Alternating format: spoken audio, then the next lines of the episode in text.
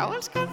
Ég og þú og þú og ég Við saman Já, elskan. Ég og þú og þú og ég Við saman Já, elskan. Já, elskan. Já, elskan. Já, elskan. Já, elskan. Já, elskan. Uh, sælar. Uh, sælar. Herðu, þetta virkar. Ú. Hérna, uh, þú ert að leiðin til Tenerife. Já. Við ætlum að fara yfir það eftir. Tenerife. En á borðinu eru ykkur, ykkur innkaup. Já. væntanlega Fyrir Tenerife. Já, það er rétt. Er það að taka með ykkur sex stikja tannþráðum til Tenerife? Nei, þetta er uppáhalds tandræður minn. Ég baði Tómas um að kaupa hann í Ameríku. Ah. Herru, talandu um Ameríku, hérna. Leið mér að sækja fyrir M&M með peanut butter. Ú, þannig að var ég Þú verður að segja eitthvað með hann. Ok, ég skal segja söguna þannig að þú heyrir hana líka. Ég var í bónus á þann. Ég var bara með Airpods í öðru. Airpods. Og ég stóð svo fyrir framann samlókukælin. Kaup með samlóku. Og hérna, og ég sagði þú veist, ég var að tala við Orra í Airpodinu. Og ég var að spjalla við hann og, og svo sagði ég eitthvað afsakið, ég man ekki hvað maður að tala um. Afsakið, eitthvað afsakið. Nema það stendur maður við hliðina mér þess megin þar sem ég er ekki með Já. og hann alveg horfir á mig og alveg færði sig. Ég var alveg nei, æ, það kemur ekkert út úr þessu. Nei. Nei, eitthvað, æ, æ, Varst ekki hérna.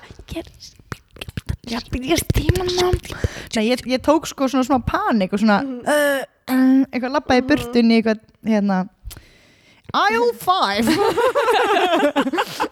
og hérna og já Ó já, góð saga. Það er ekki gott. Það. Er þetta ekki til á Íslandi? M&M Jú, veistu hvað, M&M er ógeðslega dýrt á Íslandi. Fast hann um að kaupa America Já, America. Já, Ég baði hann um að kaupa tandræð og M&M. Mm. Love that stuff Já, og hérna uh, sólavert fyrir barnið og sólgliru fyrir barnið. Allt út í America Allt í Amerika. Og svona dual action moisturizer Já, og það er ekki til á Íslandi. Þetta er Góður. ólöglegt á Íslandi. Akkur Það er eitthvað efni í þessu sem er eitthvað, og, Ó. þú veist eitthvað. En er hann góður? Þessi moisturizer. Já Já, ég nota hann ekki, sko. Tómas notar hann. Já, Mm. þú ert ekki í þessu ólöglega staffi Nei, ég er bara í svona lífrænu og Já organic. Lífrænu. Organic Organico. Organic Það er eitthvað sem- fæst í klínikunni Í klínikunni. Ég las í, æ, ég er að tala um hana Klínikin. Tannlækna lingóið Ég bara já, já, já, já, já, já. Einmitt. Ég las það í akademíunni Nei, hvað hva segir þið? Ha? Æ, þú veist að segja eitthvað svona alls konar orð sem ég noti bara í Já, já, einmitt svona lækna, læknisfræði orð. læknaslingó Hvað er Eins og sjúrnall. Já, sjúrnall Já, það- sjúrnall. Það er journal Journal. Sjúrnall. Sjúrnall Já. Hérna- Svona mjög íslenskt. Hvað er þetta hérna? Já, sólgleru fyrir lillu og hvað Já. er þetta? Þetta er hérna baðdót. Dót í baðið. Dót í Og í baðið pottin, heita pottin. Ah, Já, Gaman já. Hvenær farið til Tenerife? Við fyrir bara í þar næstu viku eða eitthvað. Hvað ætlaði að vera lengi? Um, we're gonna go for like 10 days. Akkur er að tala ennsku. Ge Ég ætti að tala spænsku. Og uh, Vamos por, dice, diez, vamos por 10 días Sí vamos por diez, di, diez. Días. Días, já, herru. Oh my god, vá, þú er góð í þessu. Ég er rosa góð því ég er komin í svona á fintafjór Já, það. Er bara svona Já, já, já. Ég, er mjög góð í fake sænsku. Ég er óslega góð í latínu já, það kemur ekki neitt áfram í lífinu að kunna latínu hérna, já, ég er mjög góð í, hérna, svona fake sænsku svo var bróður minn, hann var að fá au-pair sem að e, talar sænsku. Já, bara það. reybrennandi sænsku. Ég veit ekki, hún er samt ekki Jónatni sænsk. Bjarni? Jónatni, okay. hún er samt ekki sænsk. Hún er hérna ég heldur sé finnsk en ég mm. veit ekki alveg hvort hún sé frá okkur svona þeim hluta Finnlands það sem er tölu sænska. Eða eitthvað svona, ég veit ekki. Já, já, ég er já, ekki já, að tala já. með raskari. En hérna uh, já, og litla frænka mín, hún er fjórara hún er sér sett er dóttubráðu minns og auper stelpan er að passa hana. Mm. og hún er búin að vera fokkin óþólandi við hana. Hún er alltaf alveg hún er alltaf alveg já, já já. Og svo alltaf Ekki að grína henni Nei, hún er bara svona að þykjast kunna sænsku. Hún kann eitt orð, skilur Sem er já? Já, já, hún er alltaf eitthvað svona og bróðum minn alveg ég alveg hitti þinn daginn, hann alveg hún er búin að vera óþólandi við hana. Bara endalhaust utan í henni að tala sænsku sem er ekki sænska sko. Er hún bara eitthvað svona að tala íslensku með sænsku Já, rím? já, hún, já Já? Já, já. Gubbar, Já. gubbar Alltaf eitthvað svona. Hvað sagði mamma þín alltaf? Eitthvað hérna? Gamla gubbar, Nei, tjena sig en Nei, hún talaði síman Já, men hei he, Já, men hei knapp, knallen, nei knappen. Uh, Já, men hei allihopa Já, men hei allihopa, já, Já, já, já, já. einmitt, það er bara hæ allir saman. Já, einmitt, einmitt Hún alltaf Og svo- talaði fyllt af fólki Já. Men hei allihopa Allihopa. Calling from Iceland Du se búa, Íslandia. Og það remur tungumálum Já. Andur svo fatta það. Já Herru, veistu hvað er hérna nýjasta æði mitt? Mm. Nei, sko, ég fæ svona, ég veit ekki hvort þetta sé hluti af einhverju svona, þú veist, einhverju svona syndrom eða eitthvað sem ég er með, ég veit ekki. Ég er alltaf að reyna að greina mig með eitthvað. Ég er með sick. Í öllum stöfum í stafrónu Já, já, nákvæmlega. Hérna, uh, já, ég fæ svona, ég fæ svona æði fyrir alls konar hlutum uh -huh. og þú veist eins og með þetta M&M hérna, uh, segir maður ekki M&M? M&M? M&M? M&M? Ekki M&M, heldur M&M Já, já, já, einmitt. Ég er var alltaf að segja M&M mm. og alltaf allir, nei, nei, nei, nei, nei. That's er- rapper. Rapper. That's not a country. Nei.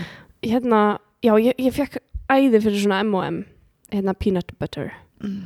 og bara Tómas um að kaupa tvo pókaði, hann kefti eitt kíló af þessu M&M Af mig. 20 kílóum sem mátti koma heim og kíló heilt kíló af þessu, nákvæmlega wow. Þannig að það var eitt æði. Svo hérna uh, ég fæ svona alls konar æði í gegnum, ég var með vítos æði á tímambili, bara borða ekkert annað en vítos og þú veist það er útrúlega gott að geta kent óléttu um. Já. Bara can't anymore. You know preggers ég er ekki ólétt án, þú veist, ég veit allan ekki af því að minnst þú kosti. Herru, núna er ég með hérna geðveikt æði af því að sko ég er að vinna þú veist 8 til kannski 5 Mm. ég vinn svolítið langa daga 8 til 5 stundu 6 eitthvað svona. Mm. Þann, og ég fæ kannski bara 20 myndir í hátegismat af því að ég er bara ég er alveg ógislega dugleg. Ég er bara- nei, bara ógislega ógeðslega dugleg. Ó, nei, því ég er bara að Sko, vinna þrjá dag í viku þannig að ég er bara að vinna Já, bara, já, já. reyna að vinna svolítið mikið þegar ég er að vinna Ég með ringdi til að, sorry, ég skil Já, grípa fram í já, fyrir Ég ringdi til þess að bóka tíma áðan. herðu, já. Og, og hérna, að því að bróður minn hann Til er með sko, Takk, ég er mjög spennt. Já, Ég ég ætla að koma með til upplifin Já, er upplegin sko. Já. Ég ætla að vera neglur og já, augabrúnir og allt næs, aður sko. næs já, En hérna, æði. bróður minn hann sko jakst til hans er klófin í tvent ha? Hann er byrjar að fá, já, hann er brotin alveg í tvent Hann er komið til þín líka. Oh my god.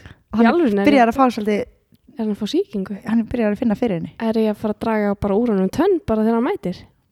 Mögulega. Eh, líklega Er það ekki bara eina sem er hægt að gera? Þú getur ekki búið til brú eða eitthvað. hérna, ég tek bara tonnatak ég er bara líma hana saman. Bara saman. Já, einmitt, vonum það besta. Hún var besta.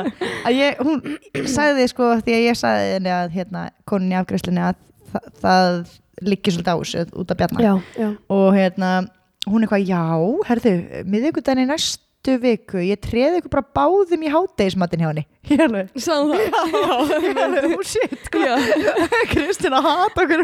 Eru þið þessi motherfucker sem að var settir í hádegismatinn? Nei, en þess vegna sko að því að hérna það er alveg mikið að gera hérna á Suðunessum það er búið að vera svo ótrúlega mikil fólksfjölgun mm og hérna mikið af fólki sem að þarf að koma til talarnis þannig að maður er heppin með það. Ég hef mikið að gera. Og þess vegna út af svona fólki eins og þér -hmm. að þá þarf ég alveg ótrúlega næringaríkan hátegismann yeah. og ég, veistu hvað ég er búin að vera að Protein. gera ég er búin að myksa ég er búin að, er búin að finna bara fullkomna uppskriftina það er hafrar Mm. þess að haframjöl, mm. svona helst tröllahafrar Mm -hmm. uh, síð það upp á söðu með vatni mjólk, okay. bara hvaða mjólk sem þú vilt Ok. bara, en hlustaði, hlustaði vel og vandlega Já. Það er hafrar upp að söðu þá set ég eina matskeið af tíafræjum og ekki, ekki verða fyrir vombriðum hér af því að þú mynd aldrei finna fyrir slíkju kenda leikanum af tíafræjunum Ok, í ok. þessu, ok, Ok. þú veist þannig að bear with Hold me, your sko. horses, Hold já. your- haltu hestana þína ok, sko tíafræ, það er náttúrulega algjörst superfood, já, já skilur þú síð þetta allt saman, mm. set þetta bara í box, Og hvað bara hita? síð fyrir ha, bara miðlungshita miðlungs og bara í svolítið góðan tíma Ok. smá salt Já. set þetta svo bara í bíbar til fyrir sko þrjá til fjóra daga í röð, bara ógislega mikið á meðan þetta er að sjóða skeri niður epli í bita með húðinni ekki, Ekki taka. hold your horses já, hold your horses Það húðin er, það, sko. he, húðin er góð já, já, já. að því að sko svo set ég pínu smjör á pönnu Ah. Steiki svo eplin á pönnu. Að því að eplin eru svo náttúrulega sæt þá verða þau svona, þetta er svona eins og að fá hérna, uh, brúnar kartöflur eða karmeliserast get out. Þegar ég er búin að steikja þau svolítið lengi þess að ekki steikja þau ég er með gæsa og ég veit ekki að hverju. Já, ég er ekki að djóka. Segja sko. já, þetta er svona eins og kynlífsaga þetta er svo kynlýsa Já. ég er alveg bara einmitt, nákvæmlega. Okay. Og, hérna, og þau karmeliserast karma, kar, karamelliserast í Mm. sjálfum sér mm. og þegar ég er búin að steikja þau svolítið vel þannig að þau eru alveg orðin í gegn sko, þau eru alveg orðin Brún. mjúk Alveg og svona brún og og alveg mjúk, þau eru ekki steikt sko, ekki krispi, nei, alls ekki krispi Þau fröðkend fröðkend eða? já, nei, bara svona, þú veist, þau bara bráðna upp fröðkend já, og svo ætla ég hérna að fá setja upp svona smá fröðplast og með eplun svo hérna, þegar þau eru tilbúin þá strá ég smá kanil yfir. Ah, og svo hérna, blanda ég svo allir saman. Já. svo setja ég þetta sikkort nestisboksi inn í, inn í, hérna, inn í ískap Tekið- eitt hafra og havra og í annað. Já. svo tekið þetta með mér í vinnuna og svo blanda ég þessu saman. Setja sér satt havragröðin með chiafræðinum eplin yfir, Já. inn í örbylgu bara eina, eina mínútu, max. Eina myndu bara? Já, blanda þessu saman. Já. set hérna uh, ha, hérna síróp. netusmjör úr skvísu. Þetta er svona skvís netusmjör. ég sé það já. það er til dæmis það er til bæði frá Háberg í svona, í svona póka Já, já. og svo líka til frá Hólörð það er mjög gott, mér finnst það best sko Hólörð og ég er svona yfir allan grautin þú ert komið sko með havragraut með eplum og netusmjöri sko mm, mm, mm, mm, mm, mm. þetta er sko, það er ekkert óholt við þetta, eina sem er óholt er ávaxtasikurinn í eplunum. Náttúrulegur ávaxtasikur já, ég er að segja get ég er að segja þér að ég, out of the store. Nei sko. Ég er í sjokki. Svo á þriðudaginn þá var ég, ég er í sjokki. Þetta var svo mónatóni ég er í sjokki. Ég er í sjokki. Svo fór ég á þriðudaginn glemdi ég að gera graut. Ok. Ég fór í bónus vikan byrjar á þriði nei á mánudegi en, Ok. en ég glemdi líka að, nei ég átti eitthvað smá á mánudeginum af graut sem sagt, einhverja uh, afgangs frá helginni sko. mm, mm. nei sko ég borði þetta hverjum einasta degi í hádeginu þetta var- er bara að heilin á um? mér springur ha, hvað er að tala um, hvað ertu búin að vera vinna lengi? grautin nei hvað verður þau? Býtu hvað voru að tala um? Nei, hérna Ég meina, hvað, hvað ertu búin að vera að vinna lengi með þetta? Hvað, er þetta eitthvað mánuðadæmi Svona eða? tvær vikur. Já, svona tvær ykkur Alveg á hverjum einasta degi tvær vikur. Og ég er ekki að grínast í þér sko. Það er svona stórt þegar þetta maður er um svona Þetta er æði. ógæslega gott, já. Þegar ég fæ svona æði svo því ég borðaði tælenskra mat þá kefti allt í hann og svo, svo eldaði í svona fjóra daga. Ég er svo búið. Og svo búið Já, einmitt. Nei, ég er bara all day, every day, skilur mm. Herðu, svo hérna borðaði ég þetta. Og málega náttúrulega sko þetta er alveg meinholt Mm. Ótrúlega mikil orka í þessu Já. og holl fita. Og þetta kemur mér í gegnum daginn. Ég og þú veist, trúi svo borðaði vel. ég bara ekkert annað. Þetta er Ertu bara, ég er bara í ómat, one meal a day sko. Já, Nei, ég er ekki í því, ég er, að- ég er að ljúa Dryggur breakfast? þetta, Nei, þetta er bara hádegismæðurinn minn. Ég, ég borða ekki breakfast. Nei, borðar ekki breakfast. Nei, borða ekki breakfast. Nei, ok bara, og ekki heldur afternoon snack. And no afternoon snack? Nei, bara, bara, fyrir bara heim. Og, bara, og, og, og Kvöldmatur. kvöldmatt Já. Nei, sko, í alveg, þetta er svo Eldum rétt? mettandi. Já, eldum rétt í það alltaf Hvar sækið þau? Í bænum? Fæðum að, fáum að send. Upp á dyrum Já, já, já, Það er ekkert, kemur ekkert annað til greina þegar maður vel, velur hann veldur rétt, sko. Veldur rétt? Nei, maður getur sótt, afsæki mig en ég nenni ekki sækja inn í Reykjavík. Veldur rétt? Já, þá velur þú sjálf, þú veist, þá þarfst ekki að fá fyrir fram ákveðna þrjá rétti eða fjóra, eða fimm, eða eitthvað Köpið þið daga vikunar eða? Þrjá Já Já, bara þrjá. Nei, en sko þetta, sko þið verðið að pröfa hennan graut. Það er einn bolli á höfrum, ein matskef tíafræðum, tveir bollar af mjólk. Bara sama hvaða mjólk þú vilt. Og ef þú vilt gera þetta ekstra um helgar, þá set ég vanilu hérna, mjólk. Vanlega drópa Eða vanilu frá Oatly. Oatly vanilu í svona lítill ferlu, fernu, ferlu. Það er sigur í því. Þannig að það er bara helgar. Holy macaroni ég mæli með, ég mæli með. Nenna, láta mig vita ef þið prö- pröfið þetta. Og ég segi hvað ég borðaði í hátteginu Það er alltaf í bóði bara sko svona brauð og, og skýr Já, og eitthvað. Þannig að ég er búin að borða í, í svona hálft ár. Saltkjötabönir Þú síðan þú varst í hérna, viðtalinu. Já við komum hérna okkur einasta nei, þetta var- í Já, sjónvarpinu þetta var í sjónvarpinu, Já. þetta var þarna rúfið að stu tvö eða eitthvað vákaða mér þetta fyndið eitthvað, að já, að ég man ekkert hvað viðtal? Já, hvað viðtal var það? hvað viðtal? að svo rúfa mörg eitthvað ég veit ekki, man ekki hvað var Æja, það já, Það fyrir svo já. mörg Mhm. Hérna e, Ég kom inn að rétt aðan já, og ég satt þetta við eldursporðið lítið hliðar, séð þú hefur verið að vesla föt á netinu. Úf, og svo lítið ég eitthvað, já, það er sjappa kíkja aðeins betur á þetta.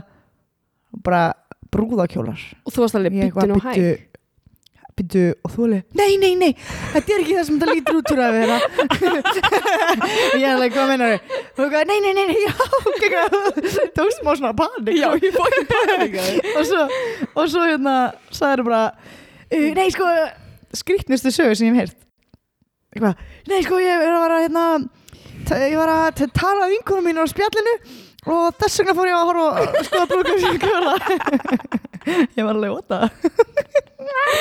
Nei, ég var, ég var að tala við vinkunum mínar á Facebook í Messenger og ég var eitthvað svona, var bara eitthvað að spjalla við þær og eitthvað svona tala um eitthvað og ég eitthvað, hm, ég ætla að fara að skoða brúðakjóla. mm -hmm. Ég ger, þetta er áhuga mál, Ingibjörg. Ég Ég, stundum lofa, ég er ekki, ég myndi ekki geta haldið í mér ef ég væri trúlóð, sko, við værim að fara að gifta okkur. þetta hefði verið rosalega góð lígi því að Tómas kemur svo hérna þér er eitthvað að tala um þetta að hlæja þessu Já, um, það væri ógeðslega mikið feys á mig ef þið værið eitthvað já, emitt. Nei, bara því miður. ég er svo mikið að horfa í andlutaðar að reyna að lesa Ég gæti ekki logið að ég veit ekki ekki hverju ætti að vera eitthvað leyndamál Nei, það, ég skil. Nei, nákvæmlega. er já, einmitt Já, líka alveg, þú veist, ef að ég væri ekki búin að bjóða í brúðköp eða að velja dagsetningu og þú vissir ekki af því en ég væri byrjað að skoða brúðakjóla þú veist. Hann er eitthvað ekki hann er búin að ákveða að ætla kannski að gera það á svona næstu sex árum þannig að ég Já, er það- búin að Ég er bara að vinna mér í hægin Spara tíma. Þetta er allir að hérna ha, gifta sig á Ítalíu núna. Er það? Er það Já. aftur orðið þing? það er rosa stórt þing allan að uh, Erst þú að fara í eitthvað svoleiðis brúðköp eða? akkur, það býður mér aldrei í eitthvað svo Nú, já, varst þú að pæla að gera þetta Nei, en það okkur var bóðið í hérna brúðkaup á Ítalíu í fyrra. og hvað? Uh, ég var ólétt og við vorum uh, í öðru brúðkaupi eða eitthvað sama tíma. já, já, já, Þannig að það varð ekkert úr því eska mín. nei, nei, ég skil ekki Hérna, að ég með langaði svo að segja eitt. Við fengum ógeðslega mörg skilaboð eftir þáttinn í síðustöku. Ertu ert, ert ekki grínur? Mér þóttur alveg óbúslega vænt það var óbúrslega væntum það var ótrúlega gaman. Og þá var með þess að ein, ég vill ekki segja nafnin af því að kannski vill hún ekki koma fram undir nafni en hún hérna hún sagði að þú værir alveg, hún segir Ingi Björg er samt 100% með aðteklisbrest já ég hef það er svo mikið að útskýra hvernig ég bara held að ég væri ekki með aðteglisbrest og, og svo það er náttúrulega bestu dæm, besta fólki til að dæma það er eitthvað sem að fólk sem hlustar Já, nákvæmlega hoppa á reynu yfir, yfir hana Einmitt. Hún sagði, það er sjúklega þægilegt að hlusta á okkur tala því þið farið svo mikið út um allt. Ég alveg vá, það hérna, gott að heyra samt að því að við hérna, höfum mjög oft hugsað hvað er örgulega mikið óreið að hlusta á okkur því við vitum ekkert hvaða dagur er stundum sko.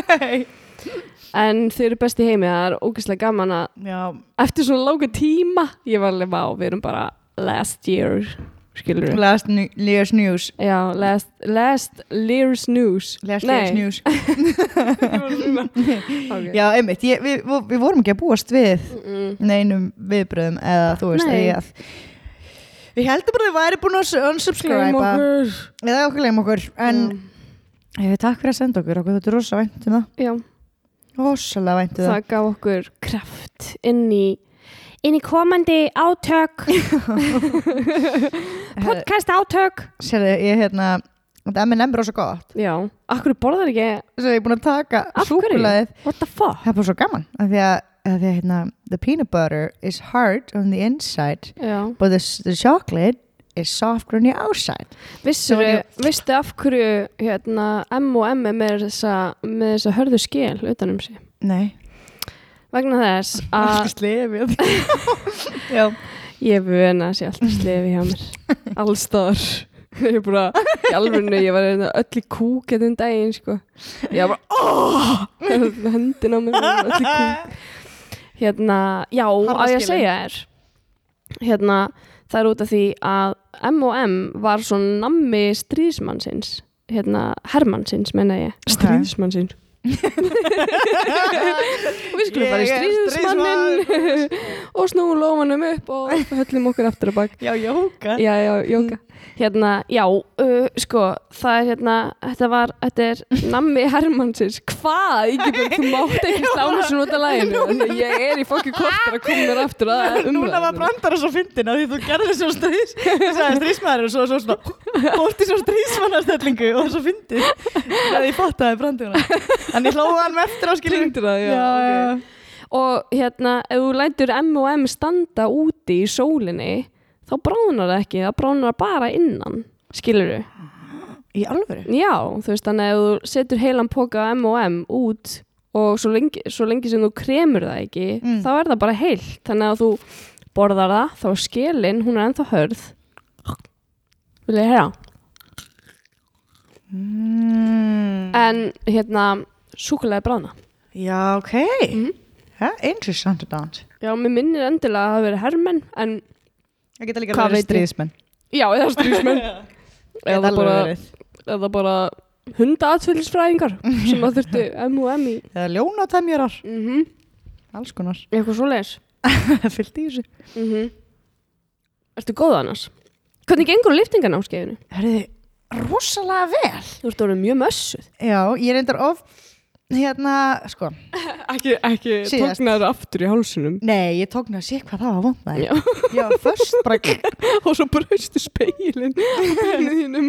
Já Herðu, sko ég braut, ég bakkaði á Voru búin að segja þetta? Mhm. Já, ok Bakkaði á, braut speilin Festist þrjá í hálsunum, tóknaði Þannig ég gæti ekki litið fyrir aftan mig Þannig ég var bara vingað Því ég var að fara næstu akrein. Eitt, tveir og að að Settir ekki alltaf bara svona hendin út úr glugga. Ég er að beigja Ég er að beigja Það var eitthvað hver sem fokkaði að mig daginn? Ég haf með snjólegu Þannig að þess sem tekur 170 í bæk Og varst með Nei, það Hiptröst. Já, já, já. Mm. Hérna, Hún þekkir snjólegu stelpan sem að sagði þetta. að ég var mataklisvestin, það er rétt Mm. Hérna, já, ég var að keira þarna hjá breiðoltinu Já. Niður breiðolt, Já. sprúna Og ég var ekki að gera neitt ránt Ég var bara að keira Varstu bara þarna? Ég var bara að keira, þú veist, niður inn á aðalvegin Þú veist, inn á skilur hérna Hafnafjörðavegin Já. Og ég bara, þú veist, ég var að vinstrækrin En þú, þú getur ekki tekið beigju á, þú veist Skilur þú ert ekki að taka tillit til hraða Þú ert í beigju niður fokkin Þú veist Já. Og varst að gera hægt. Ég var að keira, nei, ég var bara að keira frekar rætt Oh. Guðurinn tekur fram á mér á okkur svona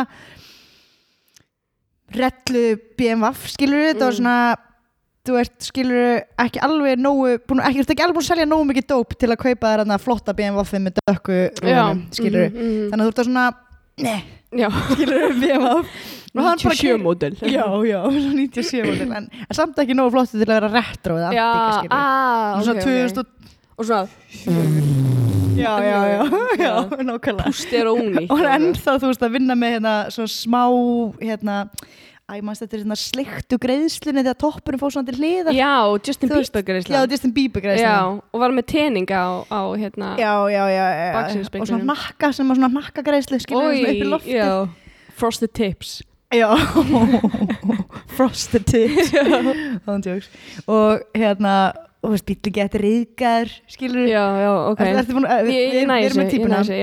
hann Mhm. fokkin kemur hérna setur niður rúðuna og hendur í mig fuck you. What the fuck? já, já. Og hvað gerir þú? ég veit ekki, ég veist að hóða bara eitthvað what mate? You do what mate. Yftur ekki bara öxlum eitthvað? ég bara ég veit ekki hvað ég er Ég er bara það er samt sko, ég var fyrst svona pínu orðlaus og svo, Mhm. ég var nefnilega leiðin í þú veist í bæinn, ekki inn í, í Já. og alla leiðina þangað ég tók hringin upp á þú veist miklubreytina Mhm.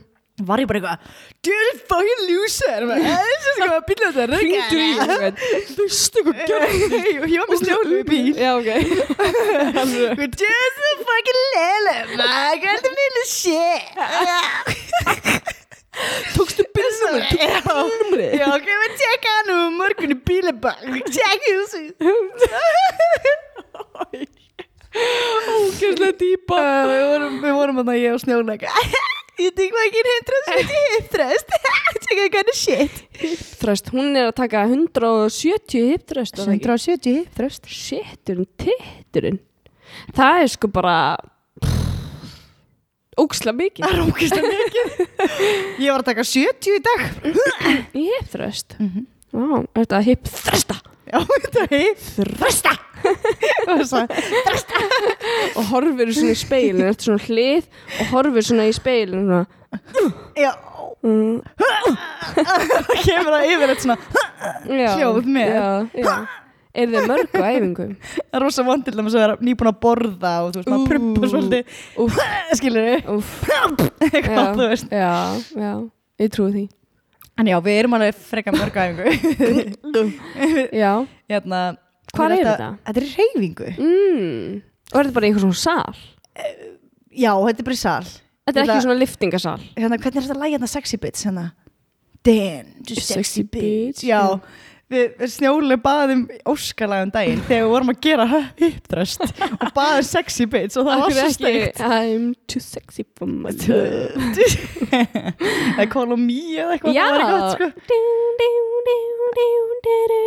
En það var eitthvað, það var eitthvað ógæslega að fyndi við það En ef þú ert að taka 170 kíló Já. Er þetta pounds? Nei, þetta er ounces. Ounces Hérna, þá er kannski mjög erfitt að vera í takt við Call on me Já, hún var að taka sko. I'm too sexy for my Too sexy for my Too sexy it hurts Já. Mm. hann, það var mjög cool. En það er líka bara, þú veist, þegar maður er að gera eitthvað svona í takt við tónlistina sem maður dettur svolítið í Mm, mm einhvern veginn að gera eitthvað svona í takt við Mhm. tónlistina að, Mér finnst bara óþægilegt að vera í ótakt. Já, ég er sammála. Það, en það er líka svolítið fyndið að sko, maður gerir maður er for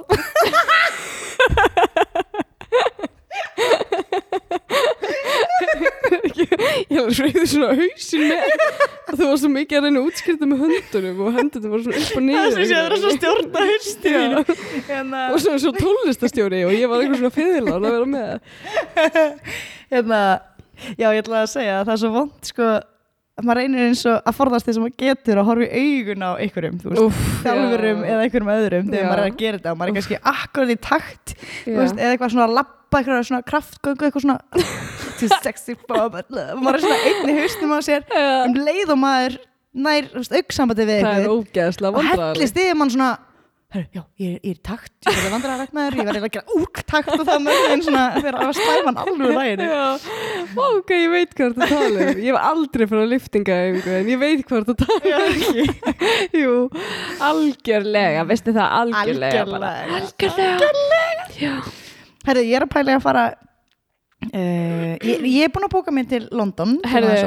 hættu nú alveg Ingibjörg. Hvernig er bara, hvernig væri það að vera bara Íslandi í tíma? Veistu það, ég er með allt sumarið svolítið bóka, nei sko ég ætlaði, ég, ég, sko, þegar júni byrjaði, Já, þá var ég ekki með neitt plan.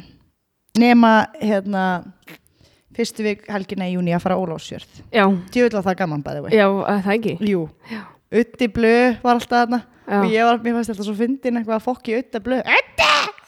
Oh my god. Ég var svo kjörlega Ok. Hérna- Vandraleg Já, Nei ég held ég geti aldrei lustað hann aftur bara þetta, ég er ennþá með svona Það er svona hroll. Ó, Já. það er svo vond. Já, Já, ég veit það er hvað þú tala um. Utti! Já. Þetta er demilur Og hann er það, hvað er í feitur? Ég eitthvað, "Nei, nei." Ok, hann tók í djókið. Þá er það ekkit vandralegt Já, hann var alveg skemmtilegur en svona í fimmta skipti það var náttúrulega svolítið þreytur á mér en, Ertu fimm ára? Já, Nei, ég þekkt Já, ok uh, hvað var ég að segja? Já, um, ég var ekki með neitt planað fyrir júni Mhm. en svo allt í einu er ég búin að fylla allar helgar í júni nema Ok. þessa helgi reyndar uh, Já. ég ætla ekki að gera neitt um, næstu er að gera frá Akureyri mm.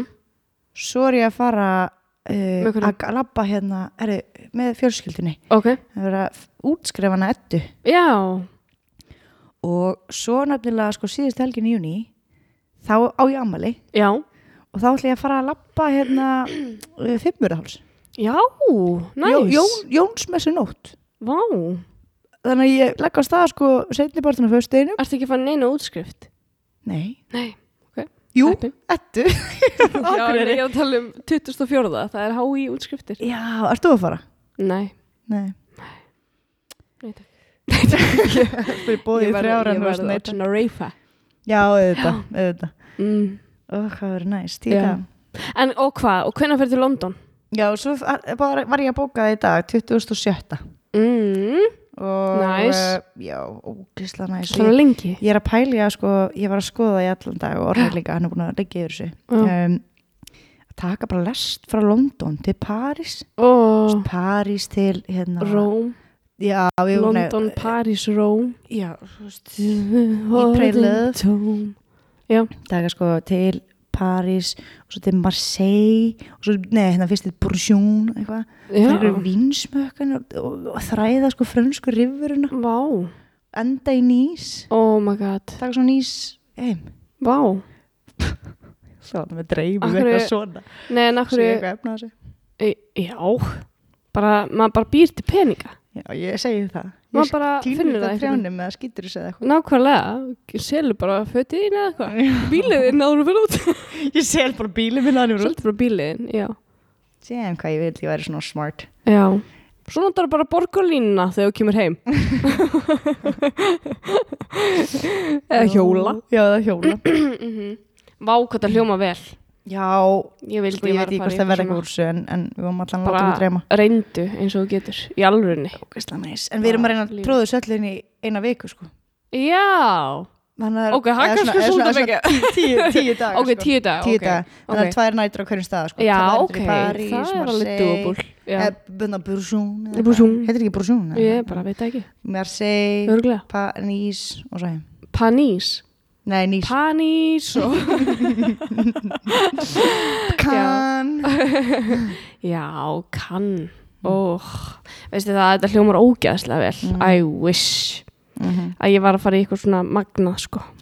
Sko, Við erum að spæja að fara laugavegin í sumar já það. að lappa laugavegin Ah, með Júli á bakinu eða? Nei, nei, væri hún fær pössun Já. já. Við vinahópurinn erum að spæja að fara. Já, næs. mm Mjög spennandi. Geðveikt. Ég hef aldrei gengið laugavegin áður. Og Jenny, og þau eru náttúrulega leysum þannig að þau Já, nákvæmlega. Það þau getur sagt ykkur Þau getur bara sagt okkur, hér Hér er er- sjáum mosa. Já, þeir eru í fjall. Og hér eru steinar. Sjá þetta sem rennur þetta, þetta er leikur og þetta er blóitt Þetta er blænt herðu, ok, hættum þessu ruggli við erum, við búin að vera geðveikt miklu pappabrandarstuði afsakið, bara innilega úff, uh, við erum kannski bara allavega Já. Ertu tilbúin í þetta? Já. Ok, sko á ég að segja þér Ég veit ekki hvort ég að segja þér um hvað þetta er Eða á ég bara að byrja? Uh, Ok, ok, ok, ég skal segja þér það. Melissa Highsmith mhm. Hún hafði verið týnd í 51 ár. En núna nýlega komst hún í samskipti við fjölskylduna sína aftur Shit Já. Ok Alltaf Abangetto Mm. Abanteco Mm. Abantecho Ég veit það ekki yeah. var aðeins 18 ára gömul þegar hún kynntist 17 ára gömlum Jeffrey Highsmith þegar þau fóru á blind stefnumót. Jeffrey segist hafa munna mjög vel eftir hvað hún fannst alltaf falleg þegar þau hittust. En þau giftu sér svo árið 1968 aðeins árið setna eftir, eðast árið eftir að þau kynntust. Ásakið mig. Árið 1969 fættist svo fyrsta barnið þeirra, Melissa Highsmith og það var 7. november 1969 en Melissa var mjög dugleg, öflug og svona glatt, hamingisamt barn. Mhm. Allt átti miklu merfuleikum með þessa breytingu að vera foreldri en hún kom sjálf úr 12 barna sískinahópi og átti því svona blendnar minningar úr æsku. Móður hennar átti erfitt með að hugsa um allir þessi börn þannig að hún sendi yngstu sex börnin sín á munaðaleysingi heimili sem að hétt The Church of Christ Children's Home Byrju, hvað áttur mörg börn? 12. Og hvað er maður að lesa? Uh, hún er eina af þessum sex yngstu. Já, ok Uh, nei, sko alltaf mammenar. Sko, alltaf mamma hennar, mamma hennar öldu, hún uh, átti 12 börn. Ah, þú að tala um þriðja ætliði Alltaf, já, Já, já, þetta eru þrýr ætliðir og alltaf hún fór í ámunaleysingja hæli mm. og hún eignaðist svo Melissu. Já, ok En ég er að segja að hún átti sagt, mjög, sagt, alltaf átti mjög erfiða æsku úti því hún var á munaleysingja hæli. ok Þannig að alltaf, Mm. mammenar Melissu, hún fekk aldrei að upplifa þessa ást sem að móður ástin var þannig að, og er. Þannig að hún vissi sjálf ekki alveg hvernig hún ætti að gefa það af sér til Melissu. Hún reyndi samt sitt allra besta að gefa Mel Melissu eins gott líf og hún gat. Melissa fættist svo í Texas en eftir nokkur ár fluttu þau fjölskyldan til Ill Illinois en þá hófust hjónabandserfuleikar Öldu og Jeffrey sem sett fóreldrennar. Þau rifist það mikið að það endaði með skilnaði. Þau hafa komið fram í viðtölum bæði saman og í sikkur lagi og útskýrt af hverju þau enduð á að skilja og niðurstaðan var svo að Jeffrey var vist frekar sjálfhverfur og sjálfselskur og svo var hann henni öllu ótrúr. mm. Cheetah Hann er bara cheetah. mm. Jeffrey sagði að þetta ætti sér allt saman útskýringar, alltaf hafði alltaf tíu verið frekar köld og leiðileg við hann og að samband þeirra var bara mjög erfitt og stormasamt. En þegar þau hættu saman þá ringdi alltaf í bróðið sinn Perry sem að hjálpa henn að flytja aftur til Texas. Fyrst fluttu Melissa og alltaf til bróðuröldu og konu, konu hans en þau dugðu frekar stutt þar og endu að flytja til frængenar, Carlene. Carlene Já. Mm Þessi sambúð gekk svo ekki upp á endanum og á söpum tíma fekk alltaf skilabor frá gömlum kunningja sem heit Carol. Carol og alltaf ólust upp á sama munaðalýsingja heimili. En alltaf sagðist ekki vita hvernig Carol komst í samband við sig, hvernig hún vissi af henni en Carol bauð þeim mæðgum bara flytja inn til sín. Carol átti sjálf ungan son og hún taldi að vera gott fyrir bæði son sinn og Melissu, dóttirinn og öldu, að hafa eitthvað til að leika við. Alltaf fekk svo vinnu við að þrýfa kirkjur í hverfinu þannig að hún vann þannig fyrir sér og Melissu dóttur sinni af því að Jeffrey hann stutti þær bara ekki neitt fjárhagslega. Hann var bara hann eftir í Illinois. mm. En þar sem hún var komið vinnu þá þurfti hún aðstóð uh, uh, til að hugsa um Melissu.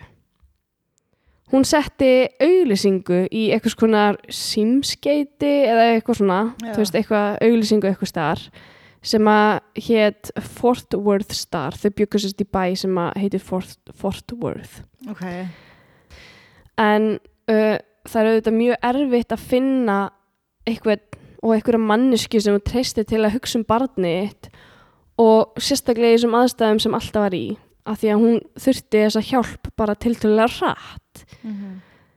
Uh, 18. ágúst 1971 setti hún þessa auglýsingu inn þar sem hún óskaði eftir barnapíu frá 8 til 3.30 á daginn 15.30 á íslenskum tíma aðeins stuttu eftir að hún setti auglýsinguna inn fekk hún svar frá konu sem að sagðist vilja fá jobbið en á þessum tíma treysti fólk hvort öðru bara miklu betur heldur en það gerir í dag það er náttúrulega bara í rauninni áttaði ekkert á hættunum sem voru þarna í kringu fólki að því að það var ekki til neitt internet á þessum tíma Orðið serial killer var, var ekki komið á bækun, í bækun. Nei, nákvæmlega, einmitt Var þetta ekki 1900 hvað? 71, já. Alltaf þurfti bara á þessum tímapunkti að treysta þessara konu og hún baði hann um að koma að hitta sig í vinnunni og spjalla eins við sig og bara til að fá okkur svona tilfinningu fyrir henni áður en myndi réttinni 22 mánuða gamalt barn sitt. Þær mælti þessu mót og svo þegar komaði að hittast þá mætti aldrei þessi kona. Mm. Alltaf varð eiginlega bara fyrir eitthvað stressu yfir þessu, hún hafði einhvern veginn engra að kosta völ en að mæta bara í vinnun, vinnuna daginn eftir að því að hún var bara alveg að fara að missa vinnuna. Það var Ok. ekki mikið uh, Sveigurum. sveigurum eftir hana. En svo ringdi konan í hana sama dag og án þess að gefa nokkra útskýringu á því af hverju hún kom ekki, eða let ekki sjá sig, þá sagðist hún hafa brennandi áhuga á því að hugsa um Melissu. Hún hafði mjög mikið áhuga á starfinu og sagðist eiga stóran garð heimi á sér sem að Me- Melissa geti bara leikið sér eins og hún vildi. Alltaf var hann eiginlega bara milli sleggju og steins, steins og sleggju. en hana vantaði pössin fyrir Melissu svo hún myndi ekki missa vinnuna og hún varði auðvitað mæti í vinnuna til að eiga fyrir mat og þakki yfir höfuð á þeim mæðgum. Mhm. 23. ágúst 1971 skildi alltaf hana Melissu eftir heima hjá Carol og Carol hún fekk bara munlega leiðbynningar um að koma Melissu til barnfóstununar þegar hún kemur sækjana. Ok, þannig að hún hefur aldrei hitt barnfóstur. Aldrei, nei. Og hún hitt hann ekki einu sinni þennan morgun af því að hún var þurft að fara í vinnuna. What? Þessi dagur er mjög óskýr og það eru margar sögur til um hvað gerðist þennan dag og í veist, mismunandi útgáfum frá mismunandi fólki. En Carol hún hefur einhvern veginn aldrei komið sjálf fram í viðtali eða gefið út eitthvað yfirlýsingu þannig að hennar hlið hefur aldrei komið mjög skýrt fram. Mm. En ég ætla að reyna að setja þetta í þú veist, einhvern veginn saman á frekar svona þægilegan hátt eða sem sagt bara svona þannig að já, Það að taka saman alla frásagminnar. nei, bara svona þú veist, þetta er í rauninni bara í rauninni gegnum aðra er frásögnin hennar Carol og þetta er svona Já. pínu óskýrt en þetta er svona eiginlega bara búið að einmitt, jú, svona narrow it down, Ok. skiluru Carol, hún var heima þennan morgun og hún var vist eitthvað þunn eftir að þær eh, vinkonur hún og Alta fóru að skemmta sér kvöldi áður sem er smá rugglandi að því að e, það er ekki eiginlega að það er eiginlega ekki vita hvar Melissa var þetta umrætt kvöld veist, Já, þegar, og hver var að passa hana þegar þær fóru að skemmta sér. Einmitt. það hlýtur að hafa verið einhver að ég vona það.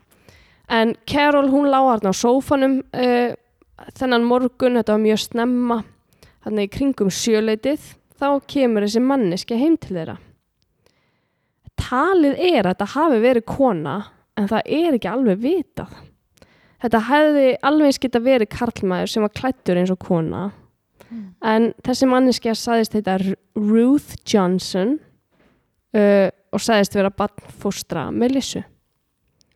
Það eina sem við vitum nákvæmlega um manneskuna er að hún með mjög langa og hvíta hanska á sér og það voru svona getgátur um það hvort hún hafi verið með þessa hanska til að fela karlmannlegu hendurna sínar. Já. En hún, Carol, gerði bara eins og henni var ætlað. Hún rétti þessari Ruth Johnson mannesku uh, Melissu litlu.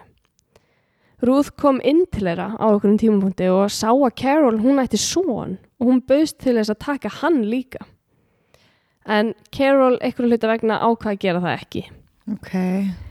Carol laðist svo bara aftur á sófan uh, og svo þegar hún heyrði að Ruth, Ruth ég segi alltaf Ruth Já. Ruth, Rut þegar hún heyrði að hún startaði bílnum þá fekk hún eitthvað svona slæma tilfinningu yfir sig.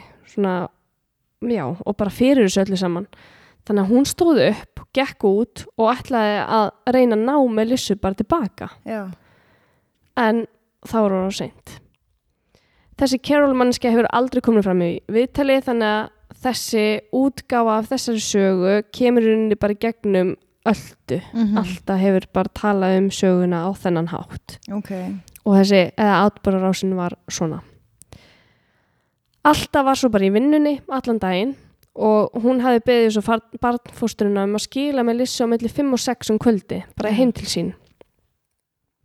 Þegar hún er komin heim og er fann að býða eftir að fá Melissu heim, þá lætur barnfóstan aldrei sjá sig. oh my god. 22 mánuða gammalt barn. Mm Og alltaf hafði ekkert símanúmer í höndunum hjá barnfóstunni, þannig að hún hafði enga leið til að ná sambandi við hana. what? Alltaf ringir í laurugluna, en á þessum tíma, þarna 1971, að þá þurfti fólk að býði 24 klukkustundir áður en það var hægt að leggja inn tilkynningu um tindan einstakling. meir sem unga börn Já, bara sama hver það var. Mhm. Þannig að alltaf þurfti bara að býða og þegar þessar 24 klukkstundir voru liðinar ringdi alltaf aftur í laurugluna og þá var hafinn formleg rannsókn og leit á 22 manna gömlu Melissu Highsmith. Lauruglan í Fort Worth og FBI sá um rannsóknina en þar sem að á þessum tíma voru svona rán yfirleitt fjölskyldutengt þannig að það fyrsta sem þau gerðu var að fara til Jeffrey Mhm. faðið Melissu til að aðtöga hvort að hann hefði eitthvað með málið að gera. En Jeffrey var bara jafn miklu áfalli og allir aðrir að búið var að ræna Melissu þannig að hann var bara útilökaður mjög snemma. Já, en samkvæmt rannsóknum eru öll svona mannræningjamál uh, sem eru ekki tengt fjölskylduböndum. Mm. þú veist þetta er yfirleitt eitthvað sem að þekkir fjölskylduna sem að ræ, rænir já. uh, einstakling skiluru ég hérna, þekk, sorry. Já, segðu. Ég þekki konu sem að vann í svona unnið í Afganistan, S- Súdan, Jemen og alls staðar. Wow. vann fyrir lækna án landamæra. Wow. og hún var að segja mér að uh, það er svo mikla líkur á því að þau þeim verði rænt Mm. sem þú veist auglöst fólk sem er skilur kannski efnara á svona miklum fátakrasvæðum að hérna þegar hún var að fara til Afganistan þá ringir auðaríkisræðanett í hana og segir bara herði, megum við skrásetja þig þú veist þannig að þegar eða ef eitthvað kemur fyrir að þá er allan hans auðaríkisræðanettið með upplýsingar um þig Oh my god. og, og hérna og hún sagði okkur var kent að við hefum alls ekki að láta auðaríkisræðanettið sko skrá okkur What? Já, af því að þegar ræningarnir byggja um lausnar hérna gjald Mm að þá er það yfirleitt utrækisræðanitin sem að borga mm. og um leið og það er búið að borga einu sinni þá er ómögulegt að það komist út úr þessu glæpa keði því að þá veit að það veit Oh fólk, þú veist ræningin að, að, að þú ert eitthvað sem borgar og þá ertu bara áframselt. Þannig að um leið og það búið að borga einu sinni þannig að hún sagði það bara, þú veist það sem okkur var kent er að borga aldrei. Og hún mátti aldrei vera með neitt í símaskránu sinni sem að hétt, þú veist, mamma, pappi, eitthvað. Af því að það fyrsta sem ræningarnir gera er að ringja í eitthvað svona teng, tengiliði. Oh þannig að mammina hétt, þú veist, eitthvað annað. Pappina hétt eitthvað annað, skilur við Nei. Mér varst svo magna og svo hann sko við fyrir bara í námskeið bara ef að hvernig eigum við að tala og hvað eigum við að gera við með the captures þú veist, Oj. þeima sem að ræna okkur. Myndi ég ekki hætta við Ó, samstundis skeri, á námskeiðinu? Oh my god, þetta er klikka. mikið að hugsa. Ég hugsaði mitt líka bara, ha? Akkur myndir ekki frekar vilja auðvitaðrikisæðanri geti þá einhvern veginn sendt fólk á eftir? En það er alltaf þau sem borga og þau vita það, þú veist, og auðvitaðrikisæðanri þau, veist, verða bara að fylgja normal procedures, Já, já, já. en hérna Shit, maður, þetta er klikkað. okkur skeri, sko Vó, ég er, ég er í áfalli. ég veit að það setur svo eftir í mér Já. hún líka, þú veist, að sagði eitthvað svona já, við verðum bara að tala þú, þú átt að tala við þú þú veist, your capture þú veist að þú veist hrósunum, taka eftir öllu sem þú veist, einhver svona sem getur hún bara oh svona, my god, þetta er svona öfug sálfræði bara. já, bara bú- búið að þjálfa því í hver, hverju þú ert að segja ef þeir eru rætt Shit, oi, það er litli kvíðin maður. Líka sko í hérna kortatryggingunni þinni Já, það er mannránstrygging í Það er ekki nema þrjú skall eða eitthvað 300.000 þannig að ef þér er rænt þá fær ykkur makiðin pening. Oh my god þannig já, alltaf fram 300.000, gjör svo vel. Með svo skrítið að sjá þetta mannránstrygging. What? Vá, hvað það er skrítið. Já, Þú ert búin að hérna, kynnast svo ótrúlega mögnuðu fólki. Eða þú veist, já, þessi kona er amazing sko. Hún er, í alvörunni? Já. Hvað er hún læknir? sko, hún er sálfræðingur. Já, og veist, hún var að segja mér rosalega hluti sko bara hungursneiðin í Jemen litlu börni bara ræstast upp oh fangin á henni og, og bara ógeðslega hluti sko. Oh my god. Mhm. Ég veit ekki hvort ég gæti þetta. Nei. Ég er ógislega fegin að eitthvað getur þetta. Mm -hmm. Sagt, Getur tekið þetta að sér. Mm -hmm. Shit, þetta er klika. Crazy. Hún var líka á sko að vinna á svona pyntingar og hérna kynferðslegu ofbeldis svona first aid trauma center í Nei, Kæra holdi í alvöru ég veit ekki hvort ég meira að segja alltaf um hana. Jú. Hún hljómar eins og svona kona sem að var í CIA eða eitthvað. Æ, við erum svo fá. Já, já, ok. Þú veist, pældi þarna. Þú veist, þá er, þá er held ég sko pyntingarnar og, og, og glæpirnir og þú veist, Já. viðbjóðurinn á allt eru leveli en við Já, þekkjum hér sko. Já, nákvæmlega og maður er eitthvað svo næf maður er Mm. svo Barnaður er ekki rétt orðið við það er flótta fólki sem hefur bara þurft að sko, sæta ógeðslega hluti sem kemur Já. þangað skiluru svo, Já, ummitt Vá, þetta er svakalegt mm -hmm. og hvað er geggja að taka viðtal við Já, hana ég ætla að spyrja hana Oh my god, viltu spyrja Ég hana? ætla að spyrja hana Það ég hella Það verður crazy Ok, allana, Ok, back to the já. story Ok, allana, sko uh, Samkvæmt rannsóknum að öll svona mannræningjamál sem er ekki tengd fjölskylduböndum það eru yfirleitt, eða svona batnaræningjar Mhm. eru yfirleitt einhleipa konur á barningnaraldri sem að geta ekki átt börn sjálfar eða hafa átt í erfiðleikum með það Mhm. Þannig að þær einhvern veginn bara enda á því að redda sér barni innan gæsalappa bara á sama hvað hátt eða máta það er. Og þetta hefur verið kenningin í þessu máli að uh, Ruth Johnson hafi verið einhleip kona sem ekki gæ- gæti átt sín eigin börn og endaði á því að ræna með lissu. Þannig að þetta er svona svona alls konar kenningar, það er náttúrulega ekki vitað. Það er líka helviti auðvelt rán já, mjög. En þú veist, maður skilur, ma- mamman var í neyð bara einhvern veginn, þú veist. Mm en, en samt. Og trú, hún bara hefði þú veist, þau bara, hún rétti mannræn uh, barnaræningjanum, bara barnið. Eða skilur, þetta bara, Oh gæti ekki verið God. einfaldara. En uh, það voru líka einhverja kenningar um að Melissa hafi endað í svona ólöglegum ætleigingarhing mm. og, og það er mjög skeri þegar það gerist en það sem að hefði geta komið fyrir Melissu á þessum tíma sem hún var tínd voru í rauninni möguleikarnir endalausir. Já. Að þetta var svo óbáslega langu tími. Mhm.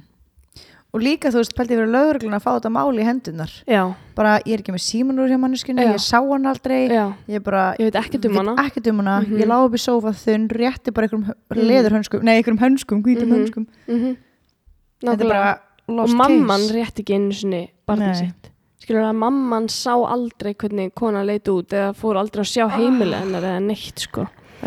Samviskupið já, einmitt, eða þú veist, nákvæmlega. hjartasorginni en, já, en nákvæmlega En Ka- samvisku- Carol líka bara- já, einmitt, nákvæmlega. Shit.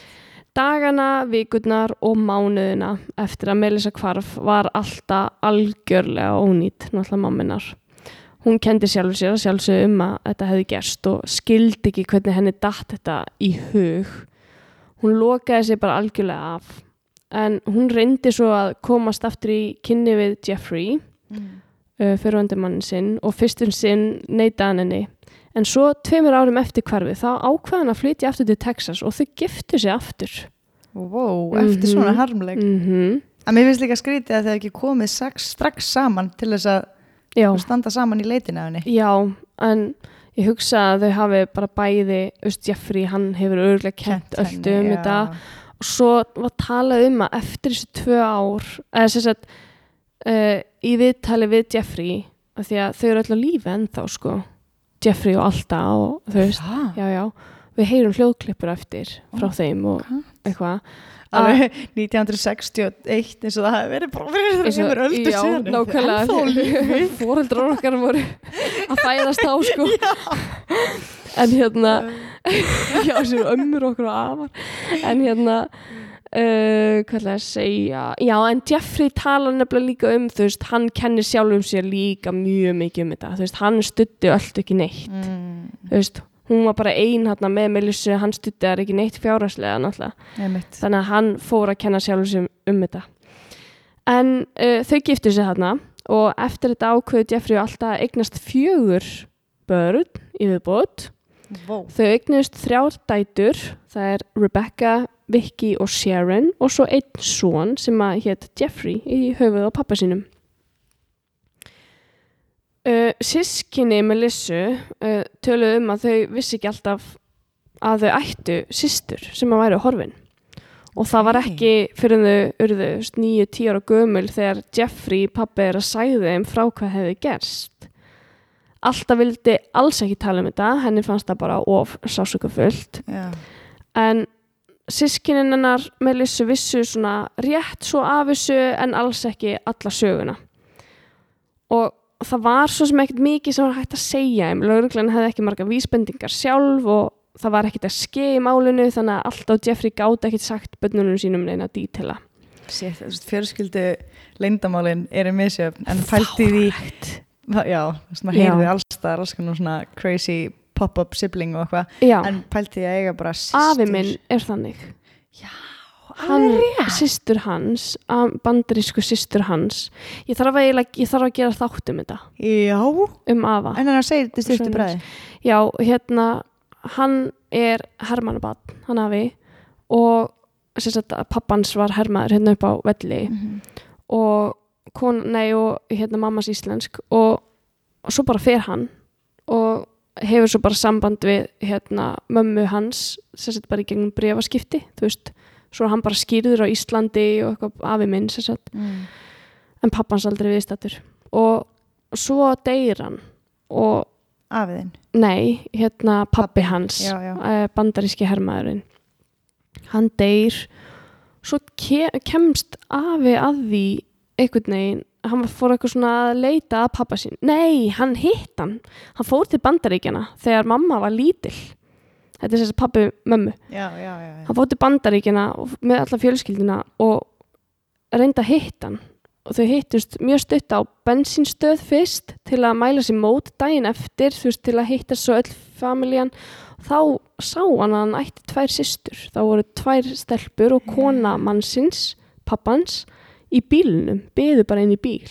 Ok Og að, þá sá hann að hann ætti einhver sískinni og svo hefur hann samband við þau bara fyrir fimm árum síðan afi er orðin, hann er að vera áttræður bara fyrir fimm árum síðan hefur hann samband við systur sínar og þær höfðu ekki hugmyndum að þær ættu bráður oh Íslandi. my god. mm þetta er svolítið crazy ég þarf að gera þáttum þetta Já, það verður gaman já. en allan Já, aðteglisbresturinn alltaf í miðjum sögum. En þú veist, pælti ég að vera bara þú átti litla systur sem var tekin. Mm -hmm.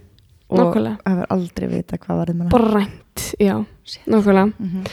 þegar uh, þessi sískinni voru hann eldri þá kom málið aftur upp inn á heimilinu.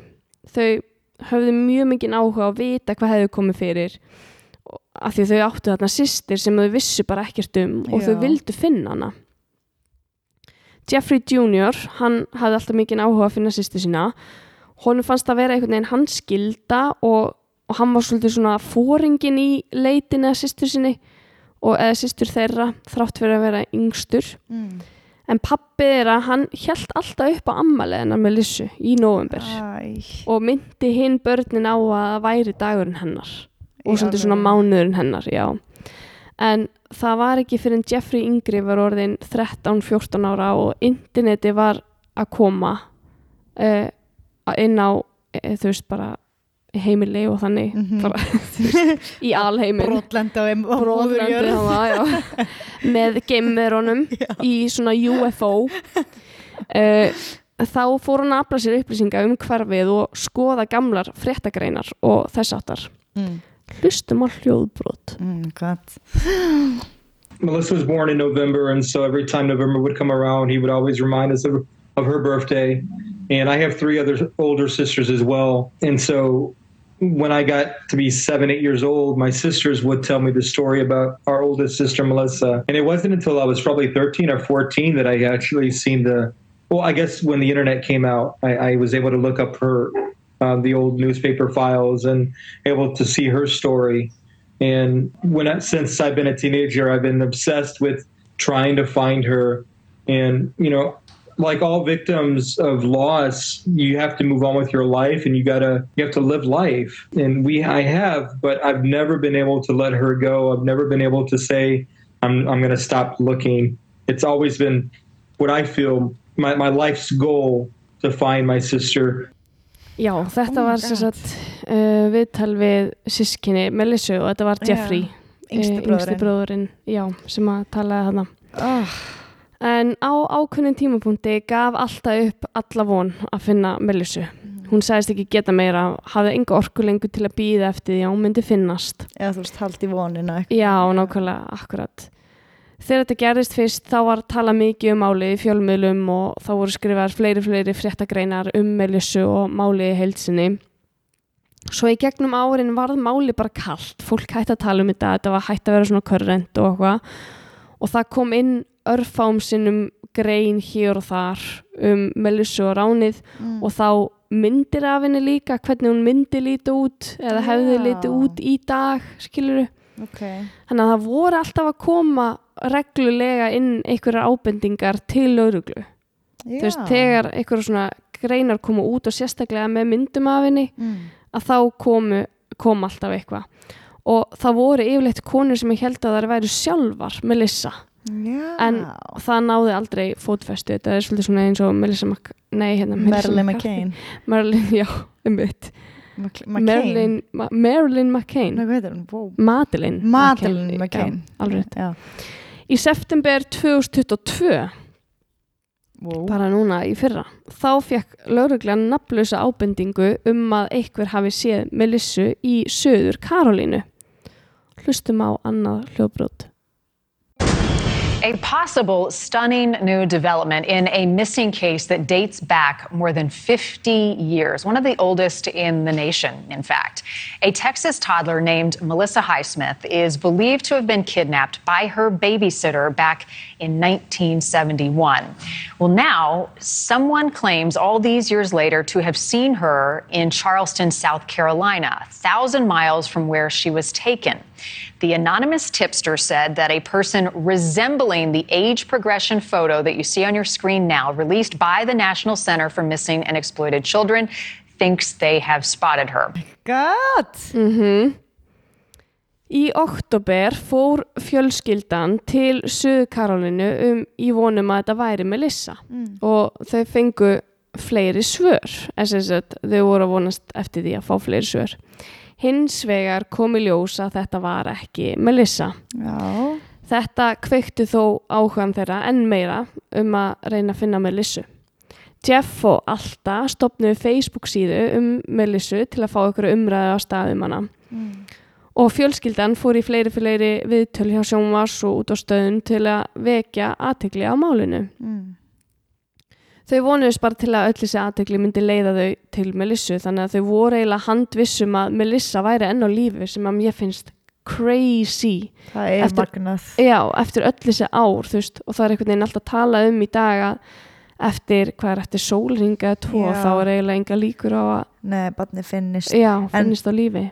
Þú Veist, ég, ég get alveg séð fyrir mér að alltaf hafi verið búin að gefa upp vonuna og maður Já. á lífi. Mm En svo koma börnin, skiluru, Já, frétt af ykkur systur sem er Mhm. týnd þú veist Mhm. þá já ég sé hvernig það Nákvæmlega. En þetta tók mjög mikið á samband Öldu og Jeffrey aftur að þau skildu 29 árum eftir að þau höfðu gift sig í annarskipti. mm. Highsmith fjölskyldan hafði sendt DNA sitt í Nation Center for Missing and Exploited Children. Þetta kallast. NCMEC, NCMEC. Þegar krakkarnir voru litlir, þá gerðu þau þetta. Svo fekk NCMEC þessa nafnlösa ábendingu um að manneskja hefði séð með lissu og þá ákvaða NCMEC að senda út tilkynningu og láta almenning vita. Sagt, er þetta ekki manneskjan í South Carolina hana? Uh, nei, já, þetta er bara önnur, í Önnur. rauninni. Já, Og, og eru þeir að láta vita að hverju? Þess að NCMEC er svona sér um þetta. Það er svona, þú veist, þetta er Ég eitthvað svona... láta þau vita bara að Já, þau láta almenning vita. Þau eru eitthvað svona, herðu, ok, þetta er góð ábending, það er eitthvað til í þessari nafnlösu Já, ábendingu. já. Þannig að... Uh, Fórum þetta bara í fjölmiðla Þau, já, þau senda bara út tilkynningu og láta almenning vita að, að hérna uh, það er einhver hérna úti sem að gæti mögulega verið með lissa í söðu Karolínu þannig að þau bara sjá blóðið og eitthvað uh, Nei, ok, Æ, ekki, haldi bara fram Nei, sko, já, ok, sorry þetta er, þetta er kannski svolítið ruglandi Blóðið, ég meina bara, þú veist Já, DNA, DNA þau, já. þau sem sagt ástæðan fyrir okkur nekkmæk er í þessu.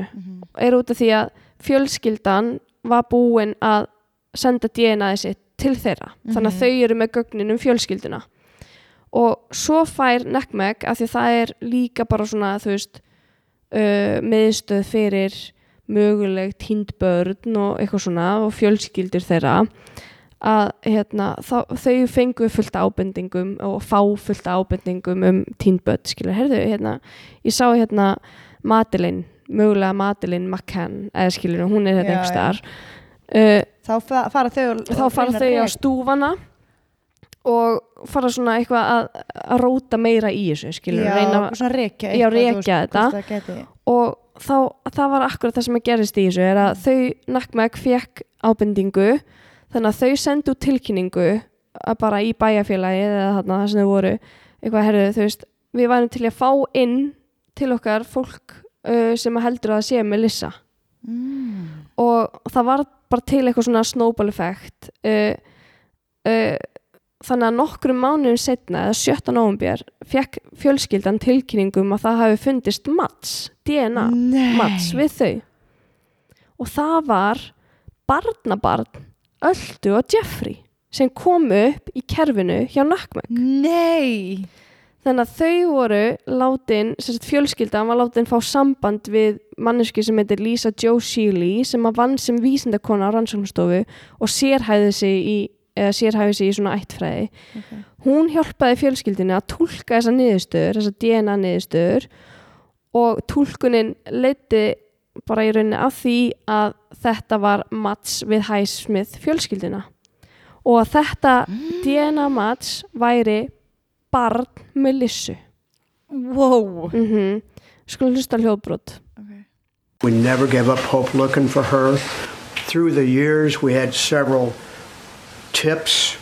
Uh, we would go off to other states, so we would go off and talk to different girls, have DNA made, and no. Uh, and our hopes were dashed. It was hard. Just days ago, Melissa reunited with her parents after a DNA test that traces ancestry through genetic traits. Her three children came up as my grandchildren and as my wife's grandchildren, uh, Alta's grandchildren, uh, and there could only be one reason for that is that's Melissa was the mother. Oh my god. Mm Þannig að þetta var Jeffrey eldri sem pappin sem var að tala fyrst. Já, maður, eða fyrirvændi maðurinn Öldu.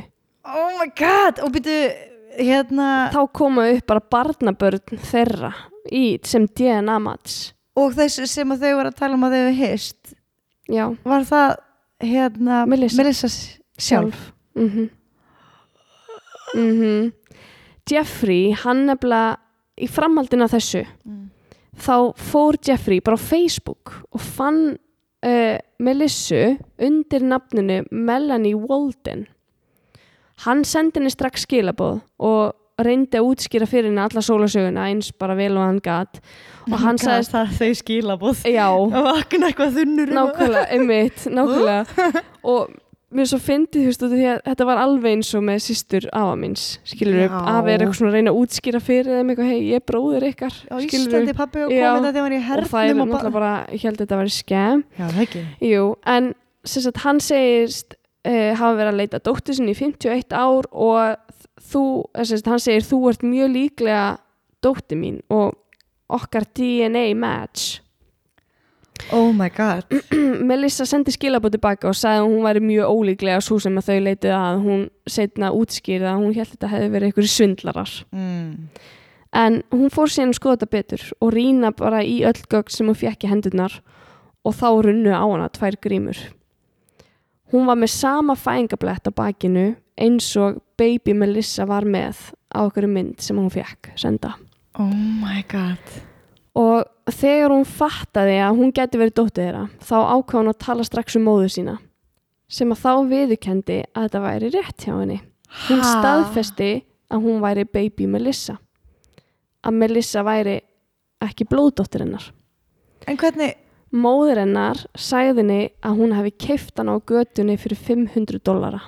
Nei konan sem að ól Melissu upp öll þessi ár hefur aldrei verið nafngreind og það hafa aldrei komið neina greinlegar upplýsingar fram um hana. En hún vissi þetta hún vissi, ég, hún var líka eða þú sagði bara eitthvað, já, þú ert baby Melissa það er rétt hjá þér.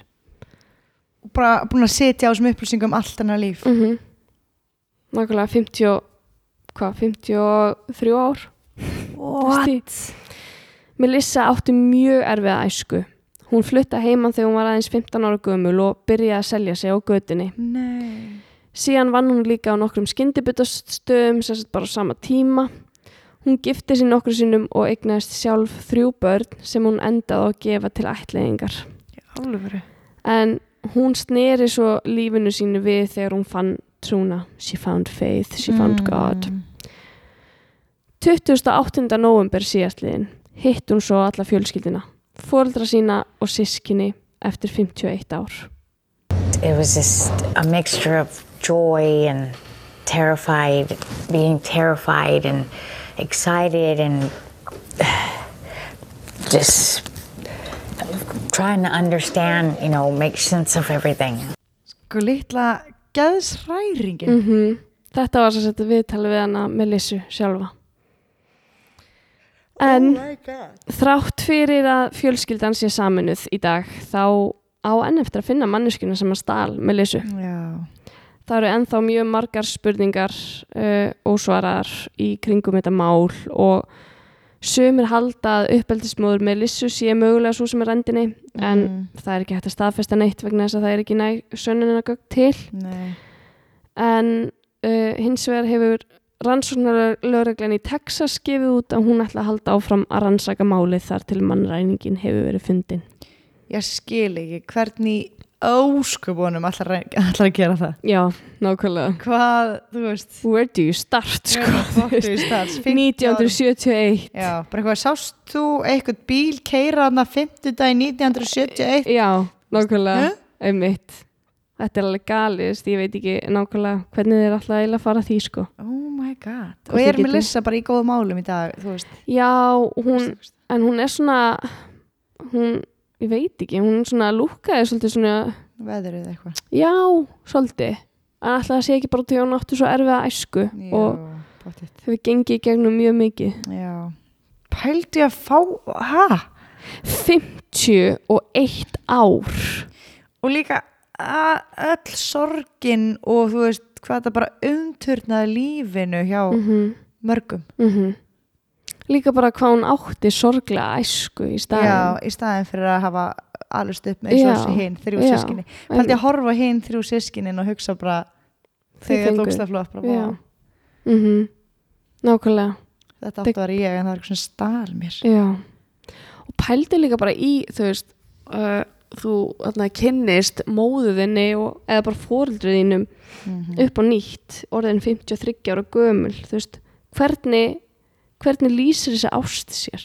Nákvæmlega. Þú veist, er þetta bara finnur fyrir þessari móður ást bara þetta sem að er, bara kjarnin sem að já, eða þartu að eru yngar svona te tengingar eða þú veist, einmitt, einmitt. þetta er ótrúlega og líka sko þessi börn sem að Melissa átti mhm, þau voru sett í ætliðingu mhm, en samt finnst Melissa í gegnum mhm, ætlið barnana Mhm. Melissu mhm.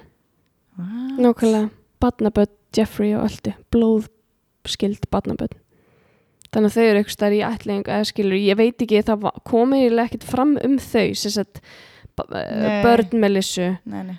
Uh, þannig ég veit ekki. En jú, jú, mér minnir að þegar hún sneri lífi sinu við þá fekk hún, eða, þá fór hún að vera í sambandi við börnin sín, mér minni það. Já, já, já, þannig að þú veist, þau fyndust þannig öruglega þegar hann fór þarna á Facebook. Já, já, einmitt nákvæmlega, hann fer á Facebook sér hann þetta DNA match eða sagt, veit hver það er, hver svo manneskja er fær nafnið á henni og, og leitar þannig að Melissu, þannig að vantilega hefur verið eitthvað teng, tenging hérna, eða eitthvað tengsl Shit, þetta er rosalegt. Þetta er svakalegt. Ég bara vissi ekki að það hefði verið mál sko. stutt síðan. Já, bara í fyrra, wow. hálft ár. Nei, ok, ekki alveg, aðeins rúmlega. Rúmlega. Átta mánuðir. Já. en uh, Sælir kælir. Sælir kælir. Rassa mælir. Rassamælir, nákvæmlega. Herðu, tölvan er að deyja. Já, Það ok. þýðir bara eitt við ætlum að fara að flamma okkur í sófan og okkur horfa á sófann. eitthvað tífi Já, ég þarf að horfa á afturheldingu Ertu búin að horfa á það? nei, ég ætla að horfa á líka. En ég er að horfa á geggja þætti. Já, hvað er á það? Netflix sem þetta The Days. Þeir eru japanskir. What? Við ætlum að Hiroshima oh. Já, ég þarf að horfa á það. Rosalegir Þeir eru svona maður sást ekki hérna uh, uh, Tjernobyl? Já, Já, þetta er svolítið sip- svipað á það sko. Á, já, já, já. stuff. Já, það, það voru geggja þetta Úf, Days á Netflix. The Days Mhm. The Days, ok. Það eru Netflix og eru fokkin pirrandi þessa dagana. Hvað? Við erum með svona family account við fjölskyldan, sko. Too many screens. Já, Oh. þetta grínast? Ég hata það sko. Nei, Það er er ekkert sem pyrra mig ef mikið Ég er búin að hlamma mér í sófan Ég er með Ostapop Og ég kveiki á Netflix Og kemur bara Too many screens. Nei, sko, ég er líka að tala um hérna, you can't sko, maður þarf að kaupa Já, maður þarf að kaupa Já, já, ok, já, skjá. já, nákvæmlega, nákvæmlega, nákvæmlega, nákvæmlega, nákvæmlega, nákvæmlega. Já, akkurat. Það er ógislega pyrrandi Ógeðslega pyrrandi mm Herru, hérna, ég ætlaði nefnilega að segja ég setti inn, sástu könnuna sem ég setti inn með, hérna, nætulestuna hári Já, herðu, já Hvernig kom hún út? Hvað, hérna, hvað hvað hefðu þú valið? Nei, að segja hana einu sinni enn. Ok, byrju, ég þarf að finna þetta hérna. Hvar sé ég, hérna, Archive. Ar- arsi- arsíf Farið í profile Já, hérna, já, ok, hér er þetta. Ok, sko.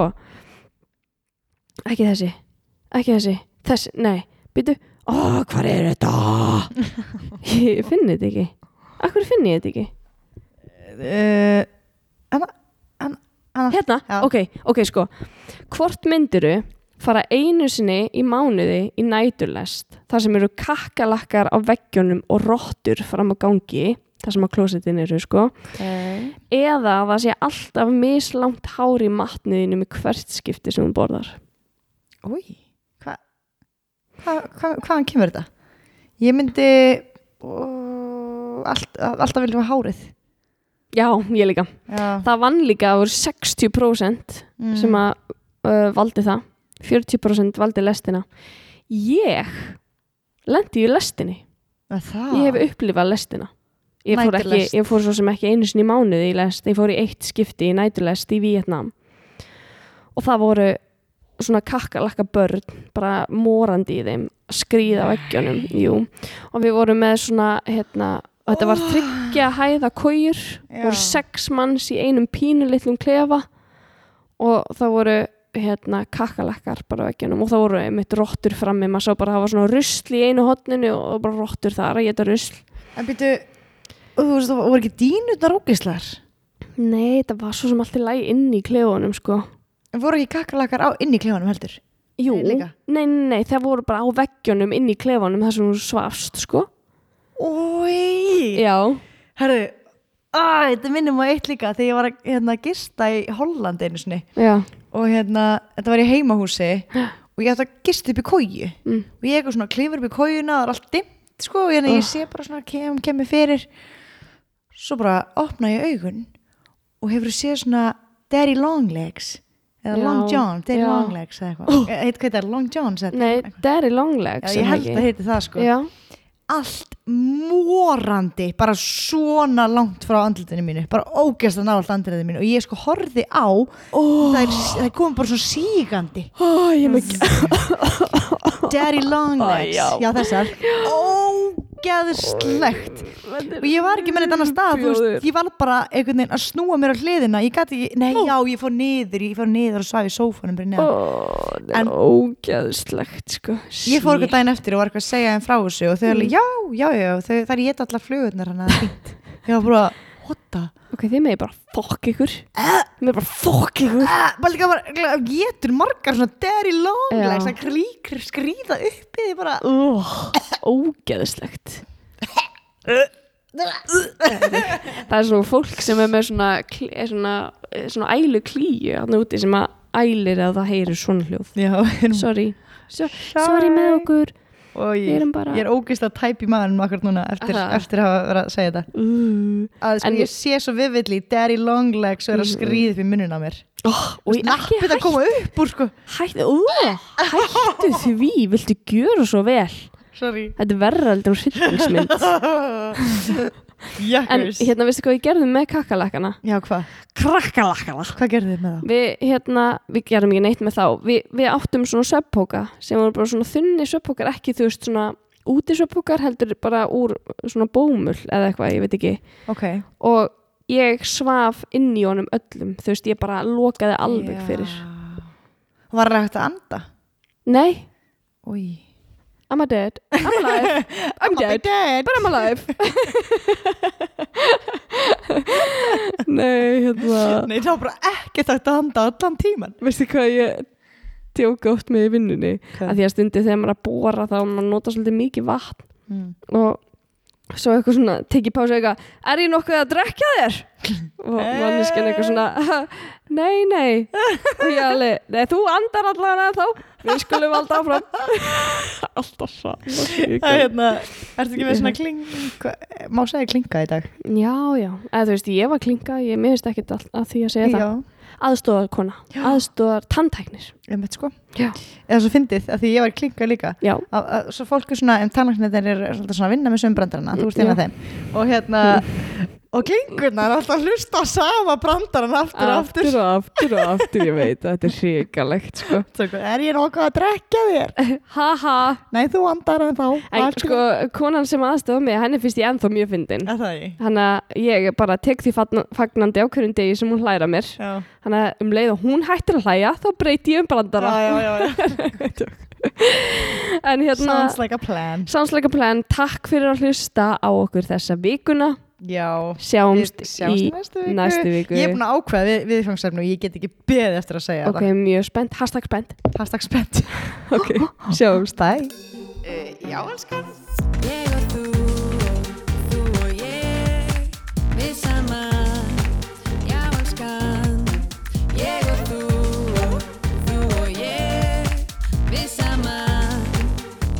elskan. Já, elskan. Já, elskan. Já, elskan. Já, elskan. Já, elskan